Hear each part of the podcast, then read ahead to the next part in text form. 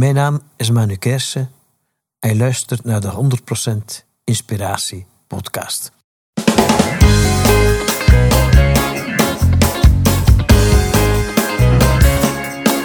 Hey, wat goed dat je luistert. Hij staat weer voor je klaar. Je wekelijkse dosis inspiratie is weer daar. De allerleukste gasten geven al hun kennis prijs. Met je veel te blije host, hij praat je bij. Zijn naam is Thijs. Thijs,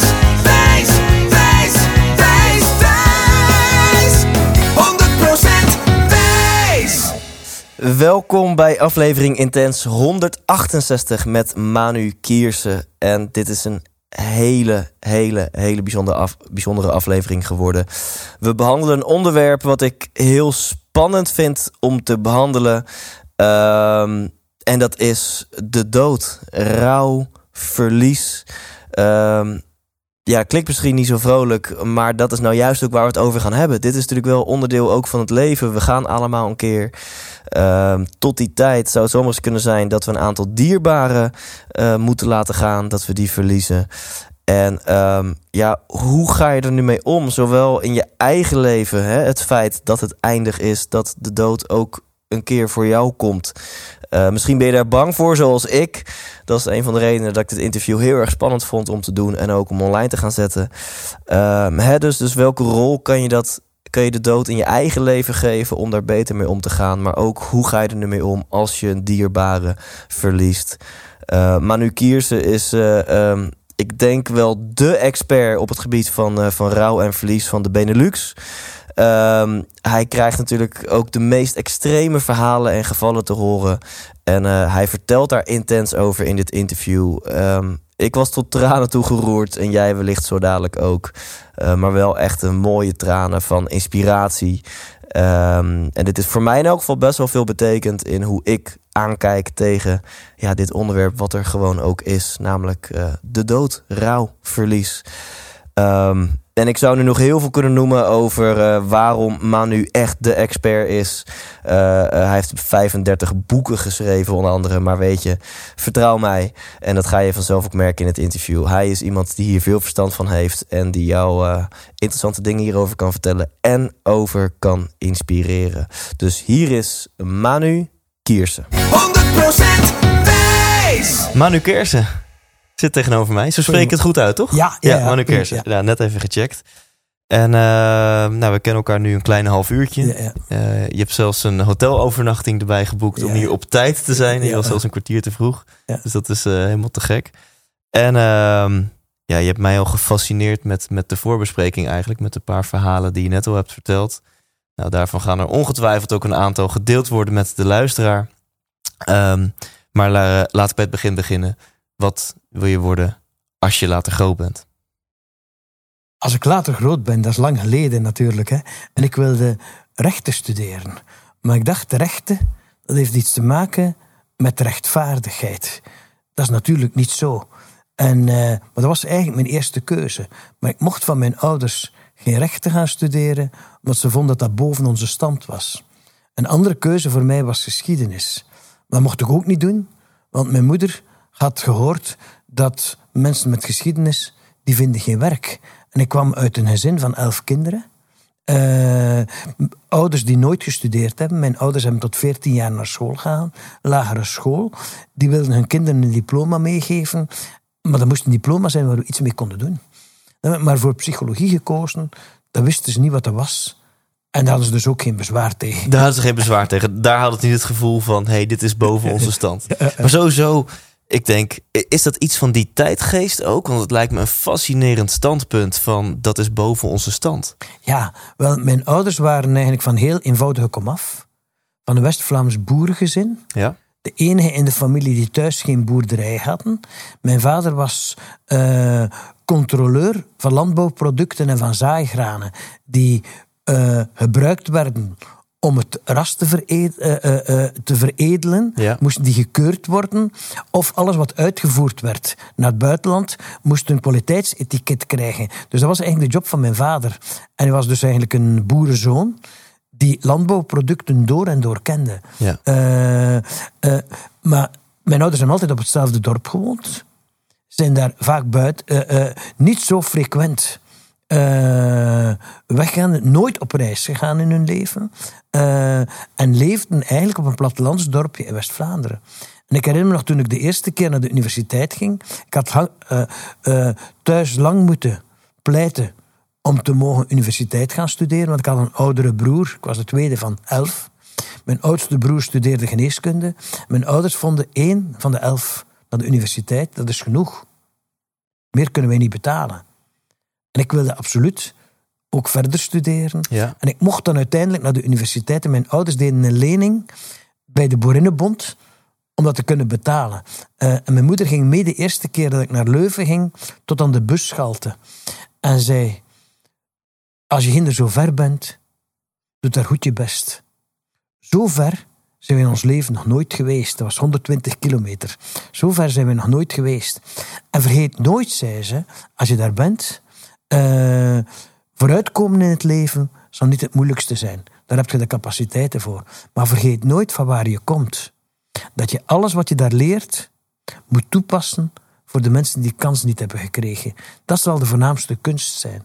Dat is voor mij altijd eigenlijk ook mijn levensmotto gebleven. Wetenschap omzetten in een taal die door mensen, voor mensen begrijpbaar is. Vandaar dat ik eigenlijk ook heel veel heb geschreven later, omdat ik zaken die ik wist wilde bruikbaar maken voor mensen in de samenleving om daar iets mee te doen.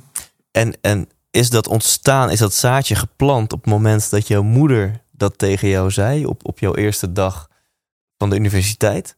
Ik denk dat zaadje dan geplant is, maar ik heb mij, mij dat steeds meer en meer en meer beginnen realiseren doorheen mijn leven. Toen was ik te jong om daar denk ik de draagwijte van te, eh, te begrijpen. Maar die woorden zijn voor mij wel eh, heel sterk blijven nagangen. En, zo. en dat is de boodschap die ik door mijn leven heb meegedragen. Want toen was je denk ik 18, 18. dus dan hebben we het over 55 jaar geleden. Ja, ja, ja. ja. Eh, nu ben je 73. Om toch nog even bij mijn eerste vraag te blijven. Stel, als ik aan jou nu de vraag stel: wat wil je worden als je later groot bent? Hoe zou je die vraag dan beantwoorden?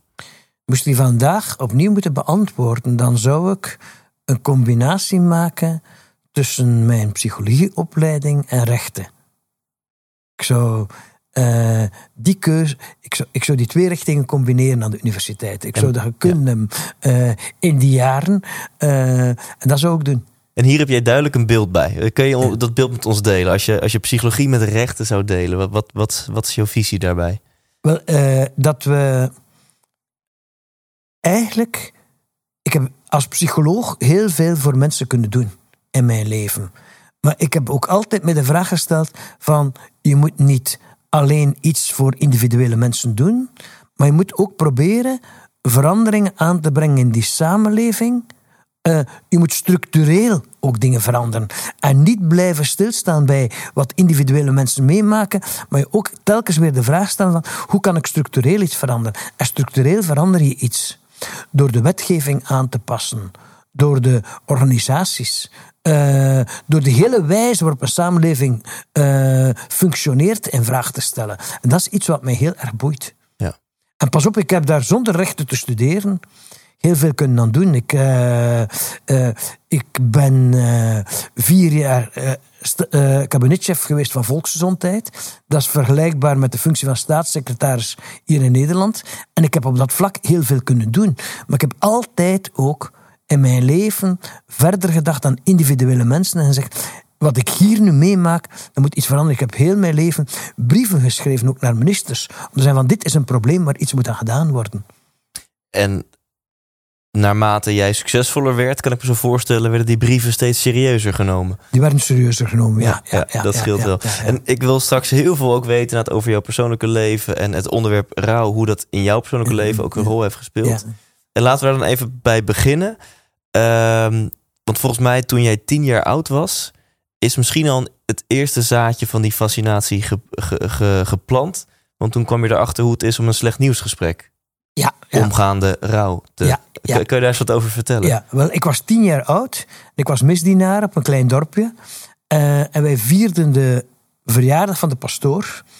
En iedereen mocht naar huis gaan en ik moest even blijven. Hij zei, je moet eens aan je mama zeggen dat Hilda de Vos gestorven is. was een vrouw van 28 jaar, die op een boerderij woonde, recht over de school waar ik naar school ging. En elke morgen bracht ik de kruik voor melk op die boerderij. Want wij, ik moest vijf liter melk meebrengen van de boerderij voor een groot gezin met elf kinderen. En ik had die vrouw de vorige dag nog gezien. Die was gestorven aan kinderverlamming. De pastoor zei, je moet dat voorzichtig zeggen, want je moeder zal daarvan verschieten. De dag ervoor was dat nog een gezonde vrouw. En die vrouw was de beste vriendin van mijn moeder. Ik, je moet het voorzichtig zijn, ik reed heel traag met mijn fiets naar huis, voorzichtig, in de ogen van een kind. Ik kwam thuis, ik deed mijn schoenen uit. Ik ging op mijn kousenvoeten naar binnen, voorzichtig naar binnen. Mijn moeder was de bureau aan het afstoffen. En ik zei, mama, ik moet je iets voorzichtig zeggen. Hilde de Vos is dood. Mijn moeder viel als een boom omver. Lag daar op de grond voor mijn voeten. Ik in paniek de buurvrouw gaan halen. Toen ik met de buurvrouw binnenkwam, was mijn moeder aan het bijkomen. Ze zei, wat heb jij gedaan?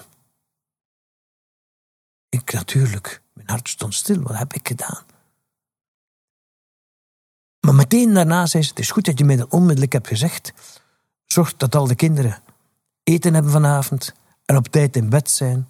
Ik moet daar naartoe rijden. En zij sprong op haar fiets en ze reed daar naartoe. Ik was tien jaar oud. Ik had dat nooit meer vergeten, dat moment. En ik zie haar nog thuiskomen en vertellen over die twee paar schoentjes. Onder die stoel. Dat kind van enkele maanden oud in bed, want die vrouw had drie jonge kinderen. Uh, ik heb dat nooit vergeten. Maar de boodschap die erin zat was voor mij van slecht nieuws. Deel je onmiddellijk mee. Maar als zoiets gebeurt, ga je ook naar mensen naartoe.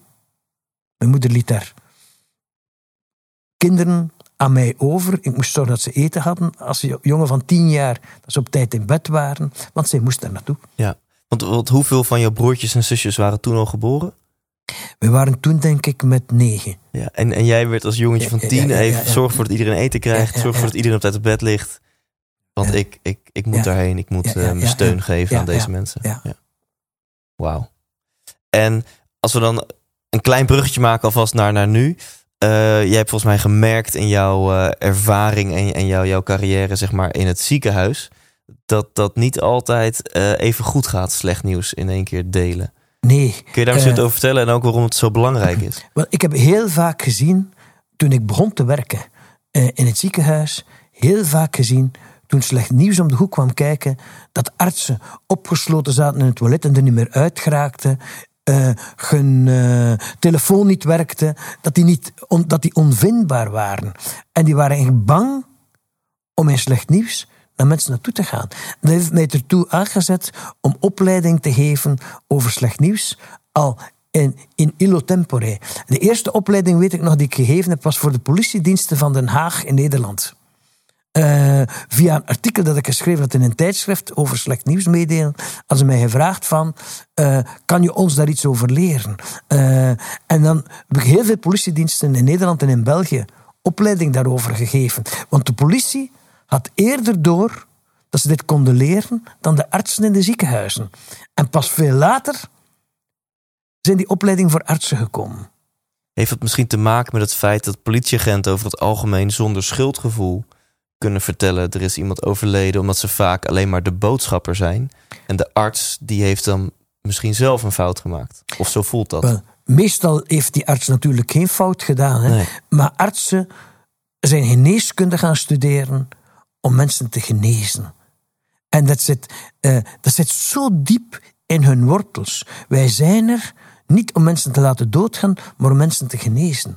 Ik werk 50 jaar in de gezondheidszorg. Ik heb nooit geweten dat een arts iemand geneesde. Hè? Artsen genezen de mensen niet. Hè? Zij denken dat, maar dat doen ze niet. Hè?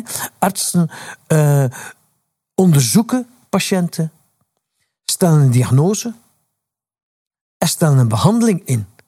En om te genezen worden naar huis gestuurd. Die artsen genezen die patiënten niet. Die onderzoeken, stellen diagnoses en stellen behandelingen in. En is dat, dat klinkt voor mij als kort door de bocht. Dat je denkt, nou, er wordt toch wel degelijk, degelijk... word je ook binnen de muren van het ziekenhuis word je behandeld. Worden... Behandeld, behandeld. Ja. behandeld, maar niet genezen. Hè. Je wordt behandeld. Ja. En om, om te genezen word je naar huis gestuurd. En diegenen die lang in het ziekenhuis blijven, dat zijn degenen die er sterven. En op. ehm, hoe, hoe is het zo gekomen dat je, dat je op latere leeftijd zo gefascineerd bent geraakt door het onderwerp rouw, dat je daar, ja, voor zover het mogelijk is, expert in bent geworden en daar boeken ja. over bent gaan schrijven? Ja. Wel, toen ik student was, hadden wij eh, in de vakantie een soort beweging medemenselijke hulp. En wij nodigden studenten uit om één, twee, drie, vier weken te komen werken in achterbuurten van grootsteden. Om studenten, universiteitsstudenten in contact te brengen met armoede en met marginaliteit. Ik was verantwoordelijk voor zo'n groep in de achterbuurten van Brussel. Mijn groep was een meisje die eh, tweede jaar wiskunde studeerde, die vertelde dat ze de week daarop met het hele gezin op bedevaart zouden gaan naar Lourdes voor tien dagen om te bidden voor haar zus van 17, die kanker had en die ondertussen in het ziekenhuis zou zijn opgenomen. En zei, we zullen tien dagen weg zijn met het hele gezin, wil jij mijn zus eens gaan bezoeken? En ik beloofde dit. Maar het was sneller beloofd dan gedaan. Ik ging de volgende week naar dat ziekenhuis.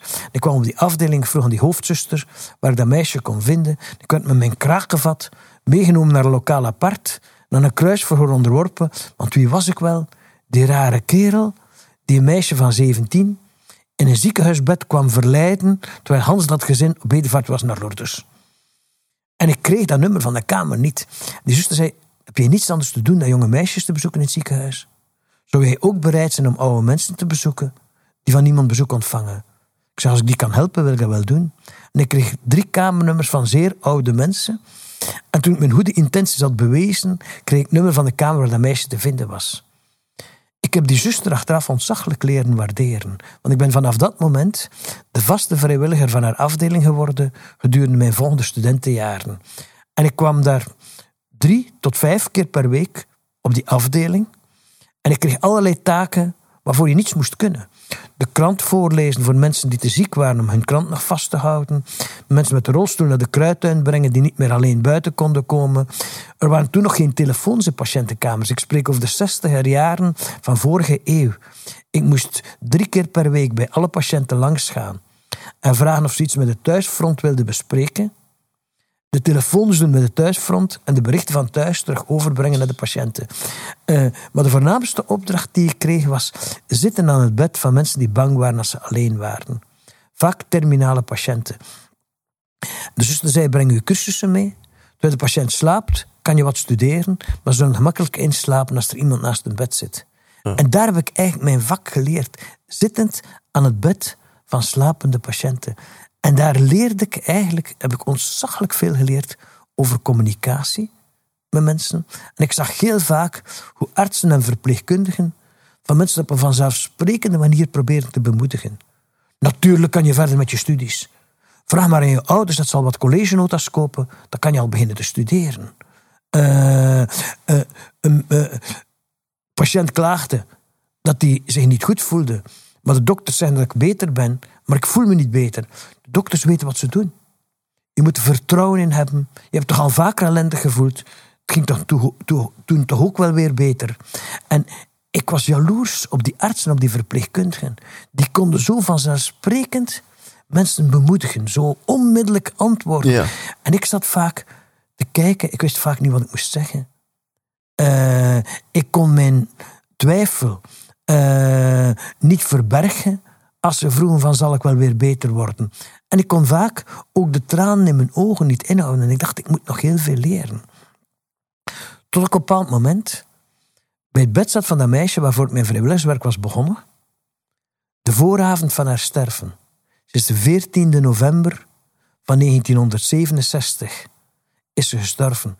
En de vooravond zat ik bij haar bed. Ik wist toen niet dat dat haar laatste avond zou worden. En toen sprak ze de volgende memorabele woorden. Zei ze, nu ik weet dat ik definitief aan het genezen ben, zal ik nooit vergeten dat jij de enige bent geweest die altijd klaar en duidelijk de waarheid hebt gesproken, zei ze. Ze was aan het einde van haar leven en ze sprak over definitief genezen. En die woorden baanden zich met moeite een weg door haar lijf dat aan het einde van zijn krachten was. Toen ze gestorven was, las ik in haar dagboek. Ik heb mijn vragen gesteld aan de artsen en ze mij weer proberen te troosten met hun wegwuivende reacties. Ik heb, dezelfde, ik heb maar meegespeeld om me niet te ontgoochelen. Ik heb dezelfde vraag aan Manu gesteld. Hij heeft me aandachtig aangekeken en niet veel gezegd. Dat was een helder antwoord op mijn vragen. En ik heb toen, ik dacht, ik moet leren te blijven wie ik ben. Ik moet die wegwuivende reacties niet leren. Ik moet leren luisteren naar het verhaal van de patiënt. En dat is misschien wel het belangrijkste element, uh, uh, instrument dat je in de geneeskunde hebt. Het verhaal van de patiënt. En ik leerde hoe je door te luisteren naar het verhaal van mensen bemoediging kon brengen bij mensen. En ik leerde dat de huid een geheugen heeft. Als je een hand op een arm legt van iemand, komt vaak een oud verdriet naar boven. En ik leerde van patiënten hoe je de overgang kunt maken van eenzaamheid naar gemeenzaamheid. Uh, dat heb ik van patiënten geleerd en heb ik nooit meer vergeten. Ik leerde ook hoe trouw belangrijk kan zijn in moeilijke momenten. Mensen niet in de steek laten. Ik heb er een prachtige uh, bevestiging van gekregen. Het meisje waarvoor ik mijn vrijwilligerswerk ben begonnen, is gestorven de 14 november van 1967. In 2003 was ik kabinetchef van de federale minister van Volksgezondheid. Ik moest op een avond op een gemeente in Limburg namens de Belgische regering gaan spreken. Ik zei tegen mijn chauffeur, ik wil goed op tijd vertrekken, want ik wil daar een uur op voorhand zijn. Maar ik wil even bij mensen goeiedag gaan zeggen. Uh, een meisje waarvoor ik ooit mijn vrijwilligerswerk was begonnen in het ziekenhuis. Meer dan 35 jaar geleden, was van die gemeente afkomstig. Ik dacht, ik kan toch op die gemeente niet gaan spreken zonder even goeiedag te gaan zeggen aan die ouders. Ik kende na al die jaren het adres nog van buiten, de Diepstraat nummer 9 in Kuringen. En ik belde daar om zeven uur aan. Die moeder deed de deur open. Haar man bleek al jaren geleden gestorven te zijn. Ze ontving me met open armen. Ze zei, och, maar nu, jij zijt daar al. Ik schrok, ik dacht, dat is precies of ze mij verwacht. En zei, ja, zei ze, ik had u verwacht. Ah. Ik heb deze morgen tegen mijn buren gezegd, die man die vanavond in onze gemeente komt spreken, die zal voordien bij mij langskomen. Want die was 36 jaar geleden in Leuven aanwezig bij het sterfbed van mijn dochter, toen mijn dochter is gestorven. Het was 36 jaar geleden. En ik werd verwacht. Wow. En ik dacht, dit zouden mensen die werken in de gezondheidszorg moeten weten.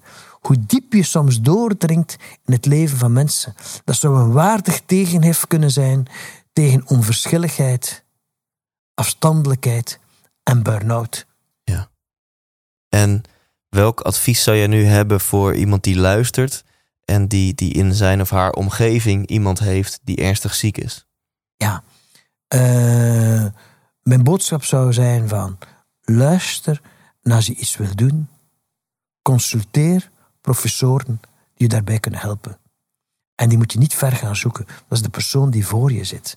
Vraag aan die persoon, waarmee zou ik je nog eens een plezier kunnen doen? Waarmee zou ik je nog eens kunnen helpen? Dan krijg je soms verrassende antwoorden. Toen ik dat aan mijn moeder vroeg, mijn moeder is gestorven toen ze 63 was. Ik was de hele dag thuis, enkele weken voor ze stierf. Ik zei, mama, waarmee kan ik nog eens een plezier doen?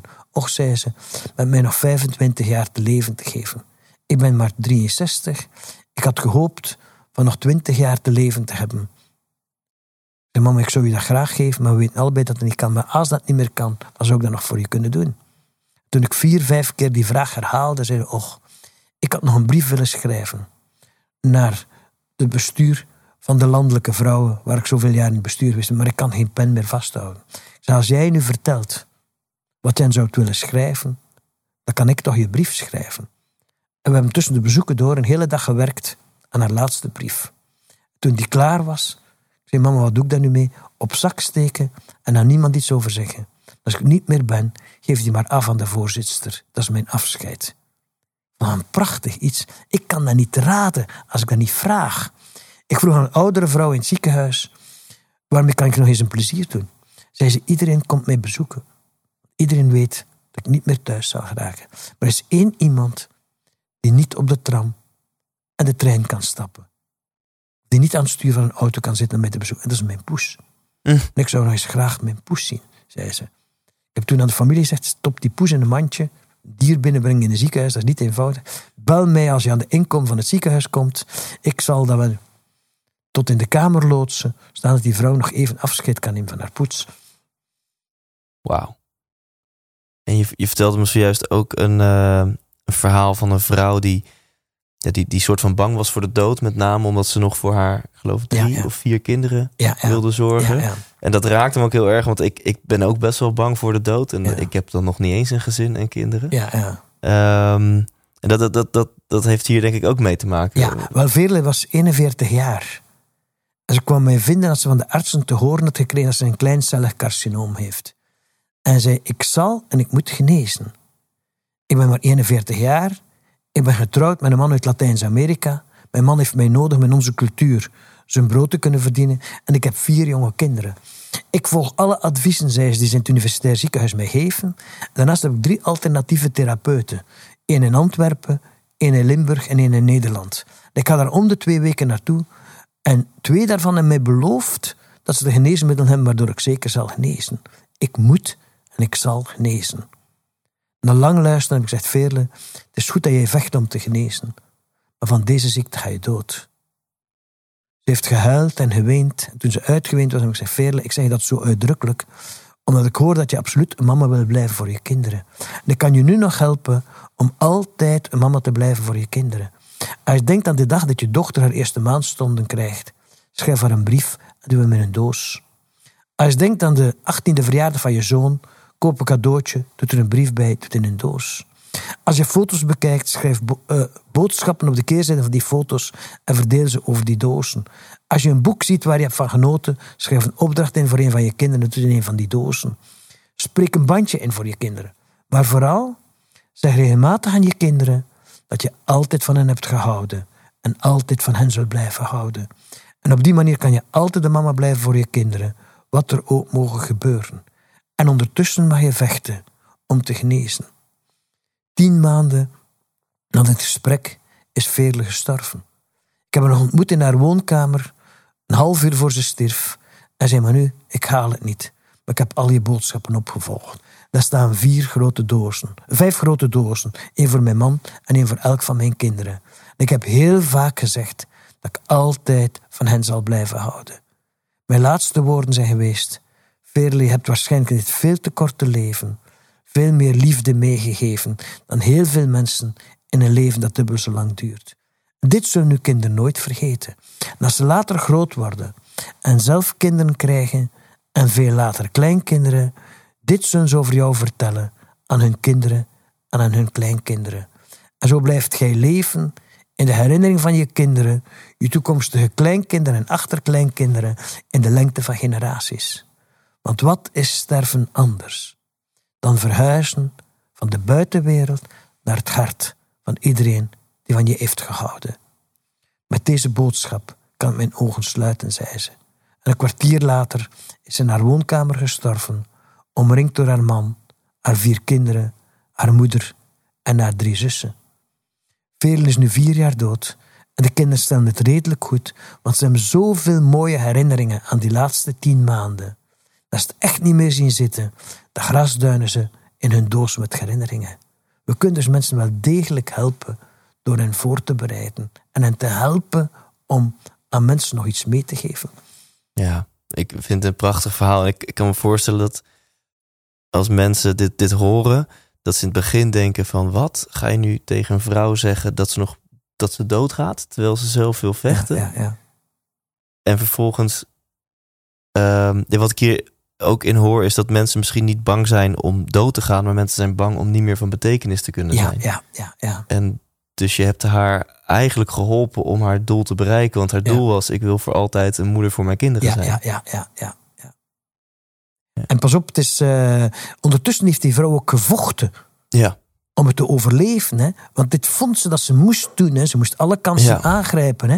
Maar je kan mensen helpen van op dat moment op die twee sporen te leven. Ik vecht om te genezen, maar ik zorg er ook voor dat ik blijf in de herinnering van mijn kinderen en van alles, allen die mij dierbaar zijn. En wat ik hierin merk is dat je nogal een, uh, ik denk een andere visie hebt op rouw en, en met dit soort mededelingen en met dit soort situaties omgaan dan veel uh, uh, traditionele of, of gewoon dan hoe er over wordt gedacht binnen, binnen de muren van een ziekenhuis. Ja, ja. En toch heb jij het ook geschopt tot bijvoorbeeld directeur van een ziekenhuis waar meer dan 2000 bedden zijn. Ja, ja, Eh, eh, directeur ziekenzorg heet dat geloof eh, ik. directeur patiëntenzorg. Patiënt-. Patiëntenzorg. Dat klinkt veel beter, patiëntenzorg. Hoe, hoe was dat met jou, misschien voor die wereld soms dwarse theorieën en denken? Hoe was het om daar jouw visie zeg maar uit te Ja, rollen? wel, eh, ik, ik werkte in dat ziekenhuis als verantwoordelijk voor patiëntenbegeleiding. Op een bepaald moment zei de directeur: Kijk, de medische raad, de raad van bestuur, eh, vindt dat jij de functie van directeur patiëntenzorg moet opnemen. Ik stond daar niet voor te springen op dat moment, want ik was iemand die. Ik werkte eigenlijk heel graag met mensen. Ik deed patiëntenbegeleiding, dat was eigenlijk mijn droom. Ik heb die dienst zelf opgericht en ik vond daarin mijn levensvervulling in dat werk. En ik had een groep van 120 mensen die ik allemaal persoonlijk kende, die ik eh, leidde elke dag, maar die ik ook opleidde. En eh, vorming en, eh, en supervisie gaf. Dus eigenlijk was dat mijn leven. En directeur patiëntenzorg worden, werd ik ineens verantwoordelijk voor 5000 mensen in dat ziekenhuis. En ik dacht, hoe kan ik dat nog goed doen allemaal? Maar de directeur zei, je mag er drie dagen over nadenken, maar we verwachten een ja-antwoord en geen nee. Heb ik mijn plicht gedaan en er ja op geantwoord. Maar ik heb hem twee voorwaarden gesteld. Ik, zit, ik heb twee voorwaarden om het te doen. Ik wil nooit een bureau hebben in het directiegebouw. Ik wil in het centrum van het ziekenhuis blijven zitten. Het directiegebouw lag aan de rand van het ziekenhuis. Ik kon van de parking de lift nemen naar je bureau en van je bureau naar de auto gaan. Zonder te beseffen dat je in een ziekenhuis werkte. Ik wil mijn bureau houden in het centrum van het ziekenhuis. Want ik wil patiënten zien, ik wil familieleden zien, ik wil de ogen van mijn mensen zien waarmee ze naar de patiënten toe gaan elke dag. En dat heb ik nodig als mijn drijfveer om een goede directeur te zijn. En ten tweede, ik wil drie dagen per, maand opleiding blijven geven aan alle geledingen van het ziekenhuis. Want een leider moet een opleider zijn. Je zal daar geen tijd voor hebben. Ik ik zal er tijd voor maken. Ja, als jij dubbelhard wil werken dan een ander, dat is jouw zaak zijn. En ik gaf eh, opleiding aan de mensen. En om vijf uur, als iedereen voldaan en vermoeid naar huis ging, ging ik vaak naar mijn bureau om nog vier uur te werken voor alles wat die dag was blijven liggen. Maar ik heb dat altijd blijven volhouden en altijd ervan uitgegaan van ik moet voortdurend nadenken over wat er kan veranderen, wat er kan verbeteren en mensen opleiden. En dat doe ik nog altijd. Eh, ik geef nog altijd heel veel lezingen en heel veel vormingen voor mensen, omdat ik ervan overtuigd ben dat we iets aan de wereld kunnen veranderen. Ja, is, is, is dat dan jouw drive? Want je, je bent hè, dan officieel al acht jaar met pensioen. Terwijl je geeft, je hebt dit jaar al 140 lezingen in de agenda staan. Ja, ja. Ehm, wat, is jouw, wat is jouw drijfveer? Mijn, mijn, mijn, is altijd geweest: de betekenis van je leven ligt in het verschil dat je maakt in het leven van de anderen. En ik denk, ik kan mij bezorgd maken over iets dat fout loopt in de samenleving. Dan denk ik, steek daar toch je tijd niet in. Doe er iets aan. Je hebt een verantwoordelijkheid te dragen. En doe er iets aan. Eh, en eh, eh, een uitspraak van Martin Luther King is voor mij ook altijd een motto geweest in mijn leven. Het grootste kwaad is door degenen die het zien en die daar niets aan doen. En eh, eh, de, eh, een van mijn lievelingsfilosofen is Levinas.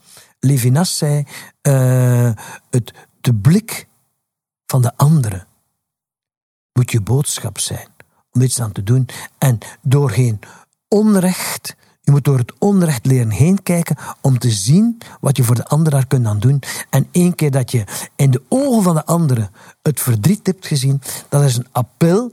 Dat mag je niet loslaten. Je moet daar iets mee doen. En ehm, ik denk dat deze missie bij heel veel mensen resoneert. Hè? Dus je, je, je zei in een mooie volzin iets van... Hè, de betekenis van jouw leven is eigenlijk te zien in het verschil... dat jij in andermans hun leven hebt Ja, gemaakt. ja, ja. En, en wat geeft jou dat? Want uiteindelijk wil je ook voor jezelf... een fijn, prettig, gelukkig leven. Maar als je s'avonds thuis komt hè, en het gevoel hebt: ik heb vandaag voor mensen iets betekend. Ik heb vandaag voor mensen iets veranderd. Dat geeft me dat een gelukkig gevoel. Ik hoef geen mooie reis te maken om me gelukkig te voelen. Uh, ik reis naar waar mensen zijn.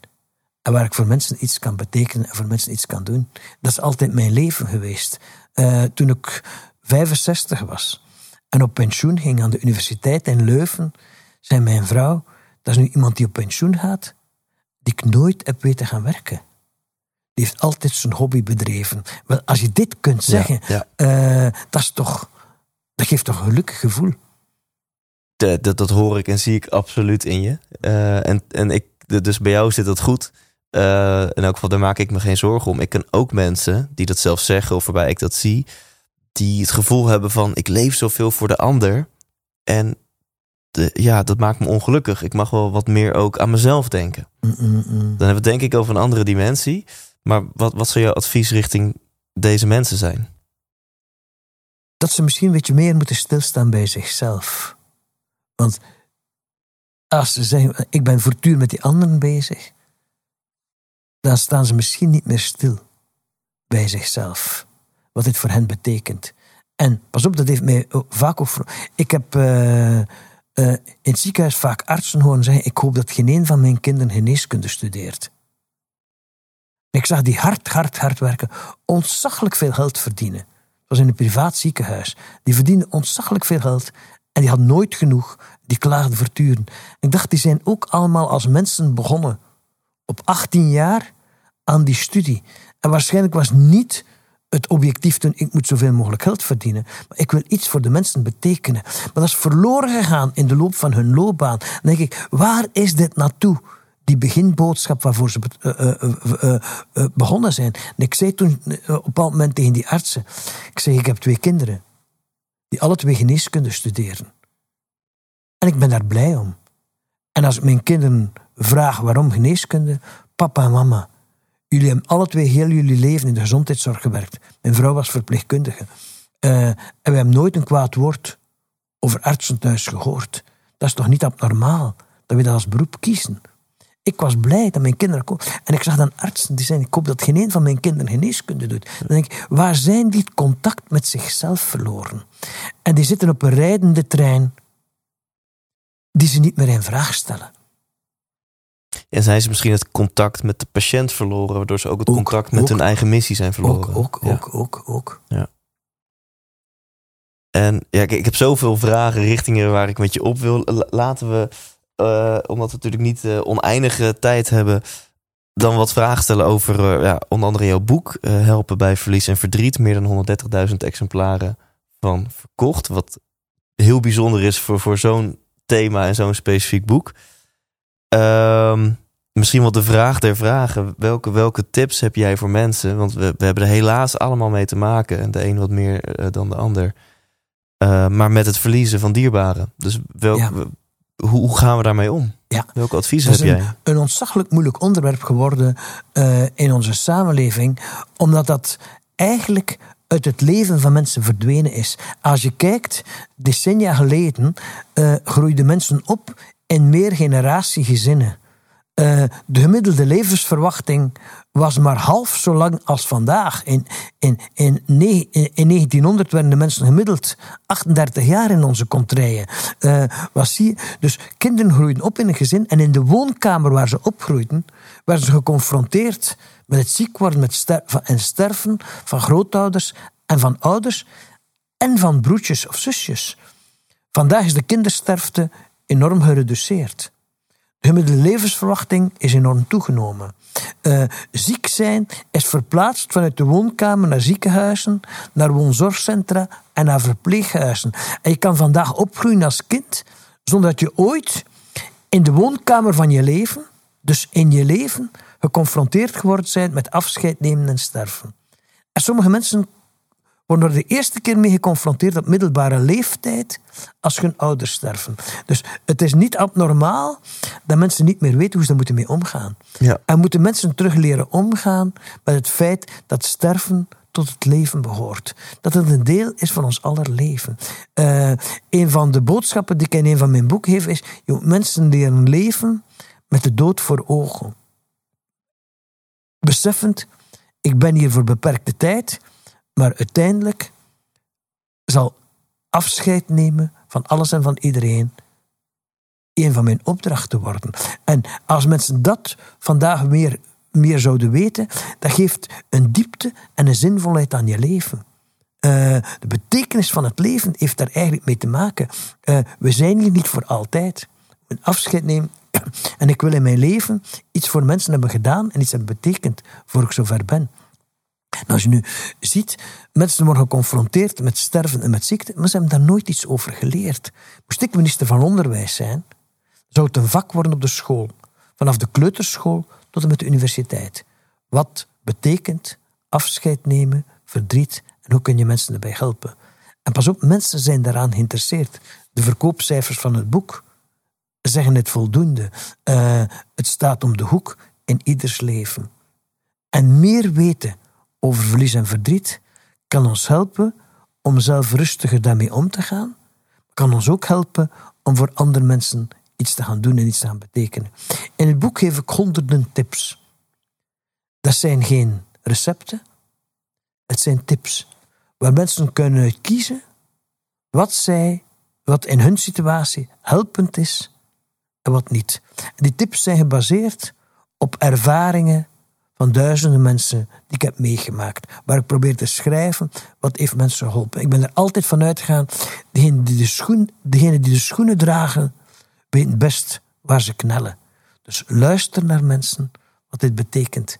En als je goed hebt geluisterd, wat moet je dan doen? Nog eens luisteren. En nog eens luisteren. En als je het hebt, als we het gewoon eerst even hebben over ons eigen leven, wat ook eindig is, dan zeg je, uh, ja, je zou eigenlijk vanaf de peuterschool mensen willen leren wat afscheid nemen. Wat houdt dat eigenlijk in en waarom dat zo belangrijk is. Kun je daar eens wat op ingaan? Wat, wat, want je zei ook, je gaf een mooi linkje van ja, juist door meer te beseffen. Een van mijn opdrachten hier op aarde is om ooit een keer afscheid te gaan nemen van alles en iedereen. En dat kan je juist soort van ombuigen naar levensenergie, naar een missie. Kun je daar eens wat meer over vertellen? Pas op, uh, je moet weten, kinderen kunnen daarmee omgaan. Hè? Mijn jongste kleindochter was vijf jaar oud. Komt op zondagmorgen mijn bureau binnen. Ze opa, ik moet eens iets met u bespreken. Vijf jaar oud. Mijn mama heeft gezegd dat jij alles weet over de dood. Elk kindje heeft twee opa's. Ik heb ook twee opa's, maar opa Louis die is dood, want die is in zijn bord gevallen. De schoonvader van mijn dochter heeft ooit een infarct gedaan terwijl ze aan tafel zaten. Is voorovergezakt in zijn bord. Opa, uh, opa, heb je mijn opa Louis gekend? Ik zeg ja. Kunt je mij dan vertellen over opa Louis? Dan leer ik die ook kennen. Dan heb ik ook twee opa's. Hm. Ik zei, Annelies, ik zal je alles vertellen wat ik over opa Louis weet. Maar wie daar veel meer over weet dan ik, dat is uw papa. Want opa Louis was de papa van uw papa. Dat weet ik wel, opa. Maar mijn papa weet niet over de dood. Vijf jaar oud. Het is grootouderdag geweest op school. Sommige kinderen hebben vier grootouders en anderen hebben er maar drie of maar twee. Kinderen stellen daar vragen over. En kinderen zijn daarmee bezig. Maar kinderen worden bang van het onderwerp door de houding die ze bij volwassenen zien. En het is, vraagt veel meer energie om die angst te onderdrukken dan om die angst onder ogen te zien ja. en daar iets mee te doen. En dat is wat we aan de, eh, in de samenleving terug moeten brengen. Dat mensen leren van uh, naar mensen te luisteren in die omstandigheden. Uh, en dan zullen mensen ook naar mensen naartoe durven gaan. Bij mensen durven aanwezig zijn op die momenten. En uh, dat verrijkt jezelf met te luisteren naar wat mensen hem betekent. Ja, en ik denk dat dit voor mensen met kinderen een heel belangrijk thema is. Hoe, want, want daar zijn de meningen erg over verdeeld. En ik ben heel erg benieuwd naar die van jou. Hoe vertel je het dan aan een kind van 4, 5, 6, 7, 8 als opa, buurman of Jantje Pietje is, is overleden. Ja, Want sommige mensen inderdaad, die, die, die willen graag dat verbloemen. Van uh, nee, maar uh, opa die slaapt, maar die slaapt voor heel lang. Of zo, weet je wel? Dus wat is jouw advies hoe je het beste richting kinderen daarover kan communiceren? Uh, heel natuurlijk en heel direct. We moeten aan kinderen zeggen van alles wat leeft gaat dood. Bloemen, planten, bomen, vissen, vogels, mensen, dieren. Alles wat leeft gaat dood. Als je dood bent, dat is voor altijd. Kinderen spelen krijgertje en schieten elkaar dood en die dode die staat twee minuten later weer recht en speelt weer verder. Nee, dood is voor altijd. Als je dood bent, ben je volledig dood. Ben volledig dood. Het is niet, opa kan je zien, is een sterke aan de hemel kan je zien. Moet je eens voorstellen dat er iemand is die alles kan zien wat je doet, dag en nacht. Dat is toch niet zo veilig, hè? Eh, we allemaal wel eens graag dat we dingen kunnen doen die niemand ziet, hè? Eh, eh, als je dood bent, ben je volledig dood. En dood heeft een reden. Het is niet omdat opa nu dood is, dat morgen iedereen dood zal zijn. Je gaat dood van een zeer ernstige ziekte, van een ongeval, door zelfdoding of door geweld. Dood heeft een reden. Je kan doodgaan omdat je heel oud bent geworden. Want niemand kan, niets wat leeft kan altijd blijven leven. En dan moet je kijken naar kinderen, luisteren en ingaan op hun vragen. Mensen zeggen mij vaak de vraag, wanneer moet je daarmee beginnen? Mijn boodschap is, je moet daarmee beginnen van voordat kinderen dat kunnen verstaan. Ik maak de vergelijking in mijn boek met een kind leren lopen. Een kind leert lopen op de leeftijd van 1 tot 1,5 jaar. Maar een kind kan dat maar, omdat men regelmatig dat kind op zijn beentje heeft gezet. En een perkje heeft gezet waar het zich kon optrekken en kon rechtstaan. Want als die spieren niet geoefend zijn, kan een kind niet lopen als het een jaar, anderhalf jaar is. Dus je moet kinderen ook over die dingen praten voor ze kunnen verstaan. Zodanig dat ze daar ook mee opgroeien dat het een deel is van het leven. En ik kan me, want dit klinkt heel hard. Hè? Ik kan me voorstellen dat heel veel mensen nu eh, de, spanning in hun lichaam al voelen. Van, ja, ga, ik aan mijn, mijn, mijn dochtertje van vier vertellen dat, dat, dat alles doodgaat en dat dood voor altijd is. En... Maar kinderen weten dat, hè? Maar kinderen worden dat afgeleerd. Kinderen worden dat afgeleerd. mijn, mijn kleindochter van vijf stelt daar vragen over, hè? En als men daar met angst op reageert. Mijn dochter heeft daar rustig op gereageerd toen ze daar vragen over stelde. Je moet daar eens met opa over praten. Opa weet veel over de dood. Ze weet van. En uh, kinderen worden angstig door de houding die ze bij volwassenen. Ik denk aan een gezin van man van 34 jaar heeft ALS. Dat is een ziekte waar je niet van kunt overleven. En de vraag was: wanneer vertellen we het aan de kinderen? Ze hebben twee kinderen van zes en van zeven jaar oud. Wanneer vertellen we het aan de kinderen? Ik heb maar één boodschap: van zodra je dit zelf weet, de kinderen het weten. Want er verandert in jullie gezin iets. En die kinderen voelen dat er iets verandert. Ja. Die kinderen zeggen, mama en papa zijn verdrietig, dus ik heb iets verkeerd gedaan. Ja. Denken kinderen. Je moet dat meteen aan de kinderen... Wil jij dat dan aan ons kinderen vertellen? Want we kunnen, ik zeg, ik wil dat komen vertellen aan jullie kinderen in de woonkamer waar jullie bij zijn. Ik heb dat uitgelegd aan de kinderen dat papa een ziekte heeft waar hij niet kan van genezen, waar hij van dood zal gaan. Dat nog heel lang kan duren. Dat papa dat niet wil, want hij er graag voor hen zou blijven. Dat papa daar niet voor kiest. Dat het iets is wat papa overkomt. Vier jaar later heeft die man gekozen voor euthanasie toen hij al een jaar met zondevoeding moest gevoed worden, aan een beademingsapparaat lag. En voor hij zou stikken, wilde hij euthanasie. Want sterven door verstikkingsdood is het ergste wat je kan voorhebben. Ze, ze zouden de kinderen een week naar de grootouders doen en dan zou dat gebeuren. Ik zeg, nee mensen. De kinderen moeten op voorhand dat verteld worden. Ik heb terug in de woonkamer waar de ouders bij waren verteld van kijk, jullie weten dat papa van die ziekte niet kan blijven leven. Papa zal eraan sterven. Maar papa wil niet op een manier sterven die zo beangstigend is voor hem en voor jullie. Jullie hebben al eens gezien als die beademingsapparatuur defect is, hoe papa dan naar adem moet snakken. Papa wil dat niet op die manier. En de dokters gaan papa helpen om op een menselijke manier te sterven. En ze doen dat met twee inspuitingen in zijn arm eerste inspuiting die zorgt dat de spieren slap worden. En de tweede inspuiting zorgt dat het hart ophoudt met kloppen. Dus papa dood. Als jullie willen, mogen jullie daarbij zijn. De kinderen hebben gekozen om daarbij te zijn. Dat is heel rustig verlopen. Die moeder zei, wij, alles wat je hebt aangedaan stond haaks op wat onze familie dacht en vond dat moest gebeuren. We hebben uw raad gevolgd en het is eigenlijk een zeer zinvolle gebeurtenis geweest voor ons allemaal. Maar we zouden in alles het tegenovergestelde gedaan hebben, zonder uw advies. Je moet eens voorstellen wat er in kinderen gebeurt. De dokter komt en papa is dood nadien. Wat heeft die dokter gedaan? Heeft hij met een hamer ja. zijn hoofd ingeslagen? Laat de kinderen daarbij zijn. Hoe, hoe oud waren die kinderen toen dit gebeurde? Uh, tien, tien, tien en, en elf jaar oud. Zo. Ja, ik, ik hoor en toevallig een podcast een paar afleveringen geleden ging hier ook voor een gedeelte over. Ik, ik, hoor heel erg hierin dat we, of in ieder geval, ik constateer nu door jouw verhalen dat we, dat we inderdaad de dood heel erg uit het zicht willen houden. Ja, dat, dat, is iets mysterieus en daar heb je het niet over en dat stop je weg. En, dan, en dat beangstigt, hè. Waarvoor hebben mensen angst? Voor iets waar ze niets over weten. Ik weet niet of je nog herinnert, de eerste keer dat je met de auto reed. Op een openbare weg. En moest die wegcode kennen. En moest een auto leren besturen. Dan sta je nat in zweet, hè.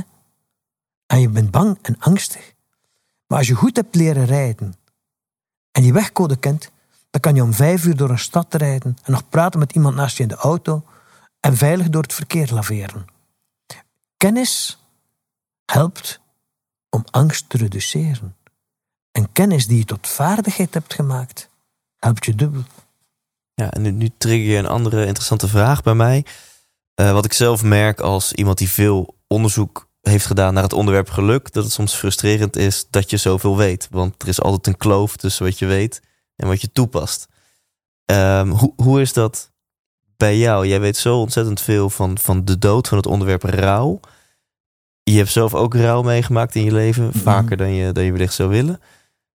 Hoe, hoe is dat voor jou om daar zoveel van af te weten als je zelf ook, zeg maar, leidend voorwerp van zo'n rouwproces bent? Ja, wel, eh, kennis hebben heeft naast het verdriet, want eh, kennis dat zit hier, dat is uh, verstandelijk, dat zit in je hoofd. En verdriet, dat voel je in de rest van je lijf. Uh, ik hoor mensen uh, zeggen als ze emotioneel... Ik kreeg de tranen in mijn ogen. Ik had een krop in mijn keel. Mijn hart bonste. Uh, ik voelde een steen op mijn maag. Mijn knieën knikten. Ik had lood in mijn schoenen. Dus emoties zijn overal in je lijf, behalve hier. Maar op dat moment dat je met die emoties bezig bent, ook een stuk kennis hebben. Weten bijvoorbeeld dat boosheid, die je vaak ziet bij mensen in verdriet, dat uh, boosheid een normale reactie is als je pijn ervaart. Als kinderen wisten we dat, hè, maar we zijn het verloren met volwassen te worden. Een kind leert lopen, loopt met zijn knie tegen een tafelpoot. Die knie doet pijn. Wat doet een kind? Stoute tafel, stoute tafel. Die pijn aan die knie komt in boosheid naar buiten. De pijn van het verdriet komt in boosheid naar buiten. Weet dat die boosheid die je tussen mensen ziet, dat het eigenlijk een normale reactie is. Want wie krijgt er die incasseren, die boosheid? De meest nabije familieleden. Je ziet ruzies ontstaan in families die te maken hebben met de, met de pijn van het verdriet. Uh, schuldgevoelens. Weet dat dit normaal is. Ik voel me zo schuldig dat ik gisteren geen uur langer bij mijn moeder ben gebleven in het verpleeghuis. Wat zegt iedereen? Je mag je toch niet schuldig voelen. Maar je kon het toch niet weten? Mijn boodschap is, je mag je wel schuldig voelen. Want schuldgevoel zijn met liefde en verantwoordelijkheid te maken. En je hoeft niet schuldig te zijn om je schuldig te voelen. Stond onlangs een moordenaar voor de rechtbank wegens de moord op drie kinderen. Niemand heeft bij die moordenaar schuldgevoelens gezien. Die kon zich niet schuldig voelen, want hij was niet in staat om liefde te geven en verantwoordelijkheid te dragen. Maar de ouders van de vermoorde kinderen zaten in, in de rechtszaal kapot van de schuldgevoelens. Hadden ons kind niet met de fiets naar huis laten komen. Dat was niet ontvoerd en niet vermoord. Schuldgevoelens hebben met liefde en verantwoordelijkheid te maken. Men moet aan mensen zeggen: uh, je mag je schuldig voelen, maar je bent niet schuldig. En de enige manier om die schuldgevoelens kwijt te geraken is als je mag uitspreken, tientallen keren opnieuw. Want door ze uit te spreken komen ze letterlijk naar buiten en raakt ervan bevrijd. Opgekropte schuldgevoelens zijn levensgevaarlijk. Maar men doet mensen die opkroppen door te zeggen: je mag je niet schuldig voelen. Dan vertel je dat toch aan niemand meer. Onlangs heeft in de Belgische Ardennen een jongetje van zes jaar een huis in brand gestoken. En in die brand zijn twee kinderen verkoold achtergebleven. Toen de politie dat jongetje aansprak, was de eerste zin die dat kind zei: Ik heb een jaar geleden mijn papa ook al doodgedaan. De papa van dat kind was een jaar tevoren aan kanker gestorven. En het kind zat al een jaar met schuldgevoelens. Het is mijn schuld dat papa is doodgegaan. De schuldgevoelens hebben hier van binnen zitten koken en kolken. Ze zijn ontploft in het in brand steken van een huis waar twee kinderen het leven hebben verloren. Die twee kinderen hadden niet moeten sterven. Had de samenleving meer geweten over rouw en verdriet. En dit is een van mijn motieven om daarover te schrijven en daarover te spreken tot mensen. Ik ben overtuigd dat we levens kunnen redden door mensen daarover te leren. Ja, en ik denk dat je hier ook eens hebt over boosheid, dat je een heel gevoelig onderwerp raakt. Want je ziet vaak inderdaad dat, dat zodra iemand overlijdt, dat daarna die families ja. uit elkaar worden gedreven, dat er ruzies ontstaan. En jij zegt, boosheid is gewoon een, daaronder ligt verdriet. Ja, ja. En verdriet komt naar buiten in de vorm van boosheid. Ja, ja. En als je gewoon aan mensen zou zeggen, vertel eens. In plaats van je moet je niet kwaad maken, vertel eens wat je zo moeilijk valt. Dan zie je boosheid meteen zakken. Dus, dus stel een, een familielid overlijdt en een andere familielid wordt boos op jou. Ja. Dan zou de beste vraag kunnen zijn: vertel eens, wat, waar zit je mee? Wat is er aan de hand? Ik zie broers en zussen in conflict komen rondom het sterven van ouders. En, dat heeft niets te, en dan hoor ik hen vaak zeggen: wij dachten dat wij een beter gezin waren, dat wij een betere relatie hadden. Het heeft niets te maken met een slechte relatie. Het heeft alles te maken met een goede relatie. Want hoe dichter je bij elkaar staat, hoe meer dat je bovenop je eigen pijn, de pijn van de anderen voelt. En die pijn van de anderen bovenop je eigen pijn is te zwaar om dragen en, en barst in boosheid naar buiten. Dus als we het hebben over concrete tips om met rouw, waarvan er dus honderden in je boek staan, maar een aantal om die te behandelen. Concrete tips om met rouw aan de slag te gaan. Je zegt één, de, uh, luister naar elkaar. Ja. Zelfs als iemand boos naar jou doet, luister naar wat diegene eigenlijk. Vertel eens wat je zo moeilijk valt. Ja? Vertel eens verder. Vertel eens verder. En, en, en twee, uh, dat, dat, dat schuldgevoel. Laat dat er maar zijn. Krop dat niet ja, ja. Uh, op. Maar je moet erover mogen praten. Ja. Praat er maar over. Dat het naar buiten komt. Dat je ervan bevrijd geraakt. En ik hou, ik hou altijd van rijtjes van drie. Hè? Dus het zijn al twee concrete tips. Zouden, zouden er nog iets aan toe kunnen voegen voor mensen die nu luisteren en, uh, en hulp, uh, wel een goede tip kunnen gebruiken bij het rouwproces? Probeer zoveel mogelijk herinneringen op te slaan waarmee je verder wilt. Die persoon is dood, maar de herinneringen aan die persoon zijn niet dood. Je blijft de zoon of de dochter van je ouders, ook al zijn die ouders dood. En uh, probeer een aantal herinneringen vast te houden. Doe iets waarin ze verder kunnen leven in je leven. De betekenis, de betekenis van hun leven kan je verder zetten in je eigen leven. Uh, we zijn heel veel rituelen kwijtgeraakt in onze samenleving. Want rituelen waren vaak verbonden met geloofspraktijken. Uh, maar ik help mensen vaak om nieuwe rituelen te vinden. Plant een boom in je tuin ter nagedachtenis van. Uh, uh, hou een bijeenkomst op een belangrijke verjaardag. Kom een aantal mensen bijeen. Maar kerstmis, nieuwjaar, we hebben juist de feestdagen achter de rug. Een boodschap die ik heel vaak aan mensen meegeef, is van hun kind is gestorven. We kunnen geen kerstmis, nieuwjaar vieren. Uh, dus ik vraag aan iedereen die komt om een herinnering aan je overleden kind op te schrijven, in een omslag mee te brengen. Dan kan je in de kerstboom hangen. Je kan die open doen wanneer je eraan toe bent. En in die herinneringen geef je dat kind een stuk leven, ook al leeft het niet meer. Wauw, want ik ken inderdaad wel mensen die zeggen: Ik vind kerst zo moeilijk, want dat doet me herinneren aan ja, ja. Ja, een dierbare die is overleden. Ja, feestdagen zijn dagen van groot verdriet en dat is heel verklaarbaar. Hè? En ook dat is kennis. Als mensen dat op voorhand weten, dat dat moeilijke dagen zullen zijn, want op die dag werk valt weg, school valt weg en het gezin zit bijeen. Die lege plek in de familie is op die momenten veel tastbaarder dan op andere dagen. In de dagelijkse drukte. Uh, ja. En doe iets uh, daarmee door die persoon te herinneren, waardoor dat die in zijn herinneringen een stuk in je midden kan zijn. En dat zal pijn doen, maar pijn is normaal in verdriet. Dat geeft ook voldoening. Ja. Ik hoor heel vaak mensen zeggen: iedereen zwijgt hem dood, alsof hij er nooit is geweest. Dat is eigenlijk voor mensen heel moeilijk. Ja, dus je zegt. Uh, stop die. Dat, het is dus pijnlijk om tijdens de feestdagen te realiseren: papa of mama is er niet meer. Of dat is pijnlijk. Maar ga die pijn niet uit de weg. Ja, ja. Je kan die niet uit de weg gaan. Die is er. En, en, in dat onderdrukken, wat zie je? Mensen onderdrukken dat. Dat vliegt eruit. In uitbarstingen dan. Ja, en dan is het veel mooier om die persoon juist weer leven te geven in alle herinneringen. Ja, Ik, een vergelijking die ik vaak aan mensen geef is van... je moet eens je bad laten vollopen en twaalf kurken in het bad gooien. En die proberen met je handen onder water te houden. Dat lukt niet. Van het moment dat je, aandacht, eh, je, eh, eh, je aandacht verslapt, springt die kurk ergens anders weer boven. Zo is dat ook met emoties. Als je die emoties probeert onder te drukken, dan springen die op momenten en op plaatsen boven waar je dit niet verwacht. Dus laat ze er zijn. Ja, ja als ze er zijn. Ja. Ja. Ja. En hoe ja, jij, natuurlijk de meest bijzondere en extreme gevallen van rouw, die komen natuurlijk langs jou, omdat jij hier zoveel van af weet. Hoe is dat voor jou om, om, om zo dicht bij heel veel families en, en, en, en, en, en mensen die, die, die stervende zijn, eh, om, om daar zoveel, om daar zo dichtbij te zijn? Hoe is dat Ja, voor jou? ja. Dus, eh, dat emotioneert mij ook heel sterk. Hè. Als ik zo kijk in de voorbije twee jaar, ben ik heel frequent bezig geweest met een- bakkersgezin. Waar een meisje van vier jaar in de deegtrog terecht is gekomen. Gekneed is in de deegtrog van de bakkerij. Ik heb die mensen geholpen om hun bakkerij terug open te doen. Want iedereen zei, die mensen kunnen nooit meer in die bakkerij staan. Dat was hun beroep. Dus ik doe die trog weg.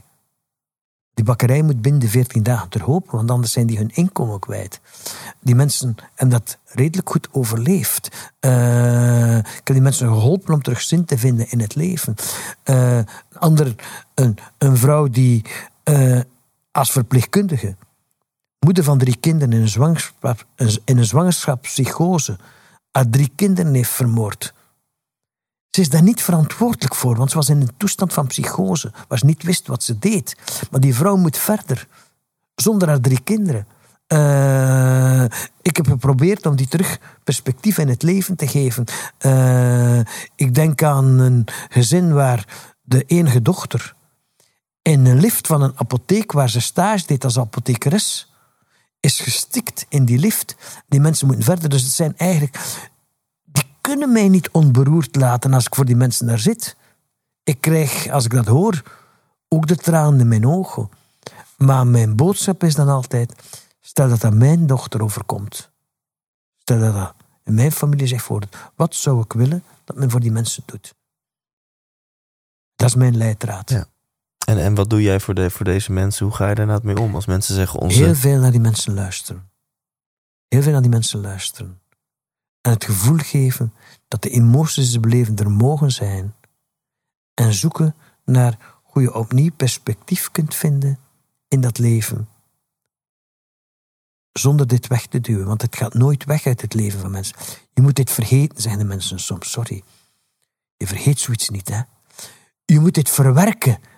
In mijn boek over helpen bij verlies en verdriet komt het woordje verwerken niet meer voor. Ik spreek over verlies overleven. Dat is iets anders dan verwerken. Verwerken wil zeggen dat dat is op een bepaald moment voorbij. Nee, die ouders blijven ouders van dat overleden kind. Zolang ze leven, blijven ze daar de ouders van. En op het sterfbed, 60 jaar later, zal er waarschijnlijk de laatste gedachte zijn die door hun hoofd gaat. Dat zal dan altijd zijn. Maar men leert opnieuw leven. Met de herinnering wat iemand is geweest, wat iemand had kunnen worden. En ehm, ja, ik zit zo gefascineerd naar je, naar je verhaal te luisteren. Ik bijna mijn rol als interviewer zou, zou vergeten. Misschien om, om af te ronden is het, ehm, vind ik het ook wel mooi om, om het te hebben over ehm, eigenlijk zien. Hè? Daar heb je Ja. ook een boek over geschreven. Ja, Dat, even, even spieken. Dat boek heet Zie de Mens. Ja. Ehm, en je omschreef een model wat jij hebt ontwikkeld. Ehm, en misschien zou je dat nog willen delen. Met, eh, met mijn luisteraar. Ja, wel, heel veel mensen lopen rond en kijken wel, maar zien niet wat er is. En in mijn boek eh, heb ik een model ontwikkeld van die moet leren kijken in drie dimensies om echt te zien wat er aan de hand is. De horizontale dimensie, de verticale dimensie en van de buitenkant naar de binnenkant. En wat bedoel ik daarmee? De horizontale dimensie je moet niet alleen kijken waar iemand nu staat, maar je moet de vraag stellen van waar komt iemand in het leven, waar gaat iemand naartoe? Eh, en pas als je die drie aspecten in kaart brengt, kan je echt weten, eh, eh, kan je echt zien waar staat iemand, van waar komt hij, waar gaat hij naartoe. Je moet mensen ook leren kijken met de dood voor ogen. Eh, met het einde in zicht ga je anders omgaan met mensen, anders omgaan met het leven, dan als je daar geen rekening mee houdt. Horizontaal kijken. Dat is de horizontale Ja, ja. zienswijze. Verticaal kijken. Je moet je de vraag stellen op het moment van... wat zit er in de diepte verborgen? Wat blijft er onder water steken? Als je door een bedrijf wandelt... stel je even de vraag van... wat leeft er in die mensen die hier rondlopen? Dat is hetgeen dat onder water zit. Wat zijn hun verwachtingen, hun motieven? De dingen die hen vreugde geven, de dingen die hen eh, ontgoochelen. Stel je die vraag. Loop als bedrijfsleider rond tussen je mensen. Eh, ben er voor de mensen. En je moet ook vanuit de hoogte kijken. Als je vanuit de hoogte kijkt, zie je de verbinding tussen verschillende dingen. Eh, verticaal kijken. En de derde dimensie is van de buitenkant naar de binnenkant leren. Neem tijd om in voeling te blijven met jezelf, met je binnenste. Dan kan je de kern van wat anderen zijn ook beter begrijpen. Door. En dat is niet egocentrisch navelstaren dat je doet, maar dat wil zeggen, s'avonds even tijd nemen. Wat heb ik deze dag gedaan? Wat heb ik betekend voor de mensen? Wat heb ik daaruit geleerd? Wat wil ik daar voor mijn leven uit meenemen? Als mensen vijf minuten per dag zouden stilstaan bij zichzelf. Ik heb eens uitgerekend, dat betekent op een werkende loopbaan anderhalf, eh, eh, anderhalf jaar. eh, dat ze stilgestaan bij zichzelf. Dus in contact blijven met je eigen innerlijk. Om zo ook het innerlijk van de ander te bereiken. Zouden we kunnen stellen dat die eerste twee dimensies zijn meer hoofd? Hè? Dat je kijkt van hey, Ja, ja. waar komt iemand vandaan? Waar is iemand nu? Waar gaat iemand naartoe? Je kijkt van hey, wat zie ik op de oppervlakte? Maar wat ligt hieronder?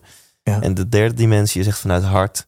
Van hey, Wel, hoofd en hart zitten eigenlijk in alle drie vermengd ook. Want ook stilstaan is ook nadenken over je voorbije dagen. En er zit ook eh, hoofd en hart zitten. Ja. eh, breng je eigenlijk door die drie dimensies van kijk, breng je met elkaar in ja. verband. Dus je zegt bij, bij denken zit ook voelen en bij voelen zit ook denken. dat heeft met elkaar te maken. En, en daar zit dan een boodschap onder. Ik, eh, ik vind een heel mooie boodschap die ik van Frankl heb overgenomen. En Frankl was een psychiater die Auschwitz heeft overleefd. En Frankl zei, in de concentratiekampen was het opvallend dat de mensen die alleen maar met zichzelf bezig waren, zeer rap wegkwijnden en stierven. Maar mensen die een doel konden stellen in het leven, die iets, konden iets wilden betekenen voor mensen buiten, huid, buiten, hen, die overleefden het. Eh, en dat was eigenlijk een prachtige boodschap van iets betekenen voor de ander helpt je om te overleven. Dat was trouwens de, de, een van de kenspreuken in de openingsrede van Barack Obama en van president Kennedy in de tijd. Je moet niet denken aan wat Amerika voor mij kan doen, maar denk over wat Amerika voor jou kan doen. Dat is eigenlijk een vertaling wat Frankl ons vanuit de concentratiekampen heeft geleerd. En is dit ook een van de redenen dat jij, want je bent 73 lentes jong en je, je doet 140 lezingen per jaar eh, en je hebt hartstikke veel levensenergie. Is dat ook bij jou de reden van, van, van de energie die je nog hebt? Dat je, Ja, eh, als ik s'avonds thuis kom en het gevoel heb van ik heb voor mensen een verschil kunnen maken die dag, dat geeft u levenskracht. En dat geeft u voldoening. En dat geeft u ook een, een optimistische kijk in het leven. Als ik zie van mensen die in ellende zitten, is mijn grote vraag, en wat kan ik daar nu aan doen? En als ik het gevoel heb van daar een bijdrage te kunnen leveren, om daar iets aan te veranderen, dat geeft u toch kracht en energie. En wat ik een hele mooie concrete vond, eh, is die vijf minuten. Want ook hiervoor geldt denk ik, als je s'avonds daar even vijf minuten bij stilstaat, wat je beroep ook is, Ja, ja. dan heb je en die verbinding met jezelf, eh, waardoor je makkelijker kan verbinden met anderen, maar dan sta je ook stil als je arts bent bij wat voor moois je eigenlijk ja, doet die ja, dag, ja, maar ja, wat je ja. beroep ook is. Ja. Moest een arts s'avonds, als je gaat slapen, hè, elke dag de vraag stellen: wat heb ik echt kunnen veranderen vandaag? In het leven van een mens. Dan zou je anders naar mensen naartoe gaan, dan zou je anders naar mensen kijken. Ja. En dan ben je bezig met de wereld te veranderen. Zullen we hiermee afronden of Ja. heb, je, of heb je nog een slot wijsheid, boodschap aan de luisteraar van deze podcast? Als we alleen dromen, dan blijft dat een droom. Maar als we veel, met veel mensen samen dromen, dan veranderen we de wereld. Dankjewel.